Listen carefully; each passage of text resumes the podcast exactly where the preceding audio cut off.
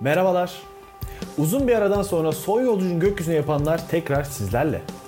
Artık tüm Alt F4 podcast programları gibi son yolculuğunu gökyüzüne yapanları da nedenolmasın.com'dan dinleyebilirsiniz ve bizlere destek olabilirsiniz. Evet son yolculuğunu gökyüzüne yapanların son bölümünü sizler için kaydettiğimde henüz ülkemizde koronavirüs vakası görülmemişti. Ancak şu an hayat normale dönmeye başlasa da hala salgın şiddetli bir şekilde artarak devam etmekte. Evdeki karantina günlerimizin ardından tekrar burada sizlerle görüşüyor olmak benim açımdan çok güzel. Hadi o zaman başlayalım. Bu bölümdeki konumuz 26 Ocak 1974.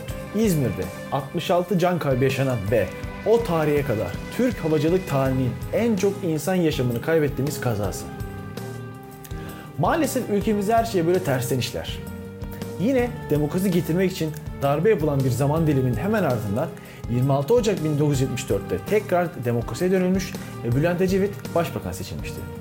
Bülent Ecevit'in siyasi kariyeri boyunca karşılaşacağı zorlukların haberini verir gibi daha seçildiği ilk günden bir facia ile karşılaşılmıştı.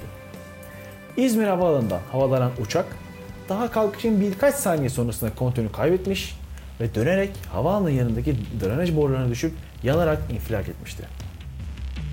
Resmi kaza inceleme raporlarına göre uçağın üzerinde biriken ama risk teşkil etmeyen buzlanmanın üzerine pilotların gereğinden daha fazla açıyla yükselme isteği sonucunda e, gerçekleştiği yazıyordu. Hepimiz bunun bu kadar kolay gözlemlenebilecek bir şeyden meydana gelmediğini düşündüğünüzü duyar gibiyim.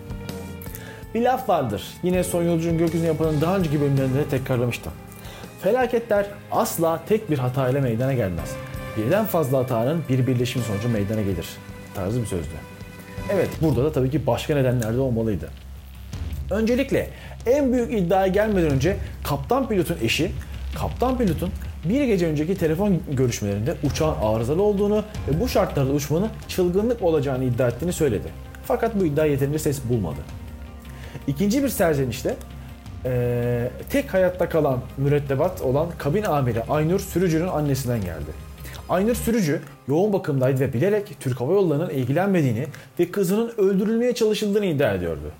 Aynur uyanırsa söyleyecekleri yeri yerinden oynatacaktı belki de ama Aynur Sürücü de bir yıl yoğun bakımda kaldıktan sonra e, yaşamını yitirdi ve bu konu hakkında hiç konuşamadı. Evet gelelim en büyük ve muhtemelen e, doğru olan iddiaya. Dönemin Ulaştırma Bakanı Ferda Güley'in kazadan 20 sene sonra söylediklerine geldik kaza ile ilgili tüm gerçekleri Bakanlar Kurulu'na açıkladığını fakat halktan sakladığını itiraf etmişti. Kendince hem Türk Hava Yolları'na hem sigorta şirketlerine hem de yeni atanmış hükümetinin bekasını düşündüğünü söyleyerek yıllar sonra bunu e, bu doğruları söylemişti. Otopsiler sonucunda kaptan pilotun kanında 242 mg, yardımcı pilotun kanında ise 26 mg alkol olduğunu ve tüm mürettebatın uçuştan saatler önce sabaha kadar İzmir'de eğlendiği ortaya çıkmıştı. İzmir Havaalanı'nın pist uzunluğunun da gerekenden kısa olduğu bu kaza sonrası anlaşılmış ama yıllarca gizlenmişti. Resmi kaza raporundaki ince ya da daha önce dediğim gibi önemsiz buzlanma muhtemelen gerçekti.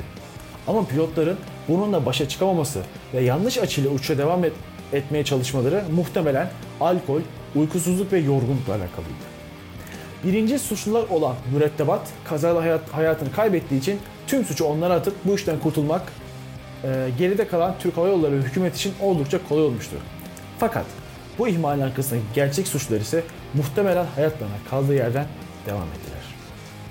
Umarım bu suçlular ömürleri boyu bunun vicdan azabıyla başlarını yastığa koymuşlardır. Bu bölümde İzmir kazasında hayatını kaybeden 66 kişiye adıyoruz. Son yolculuğunu gökyüzüne yapanlara selam olsun.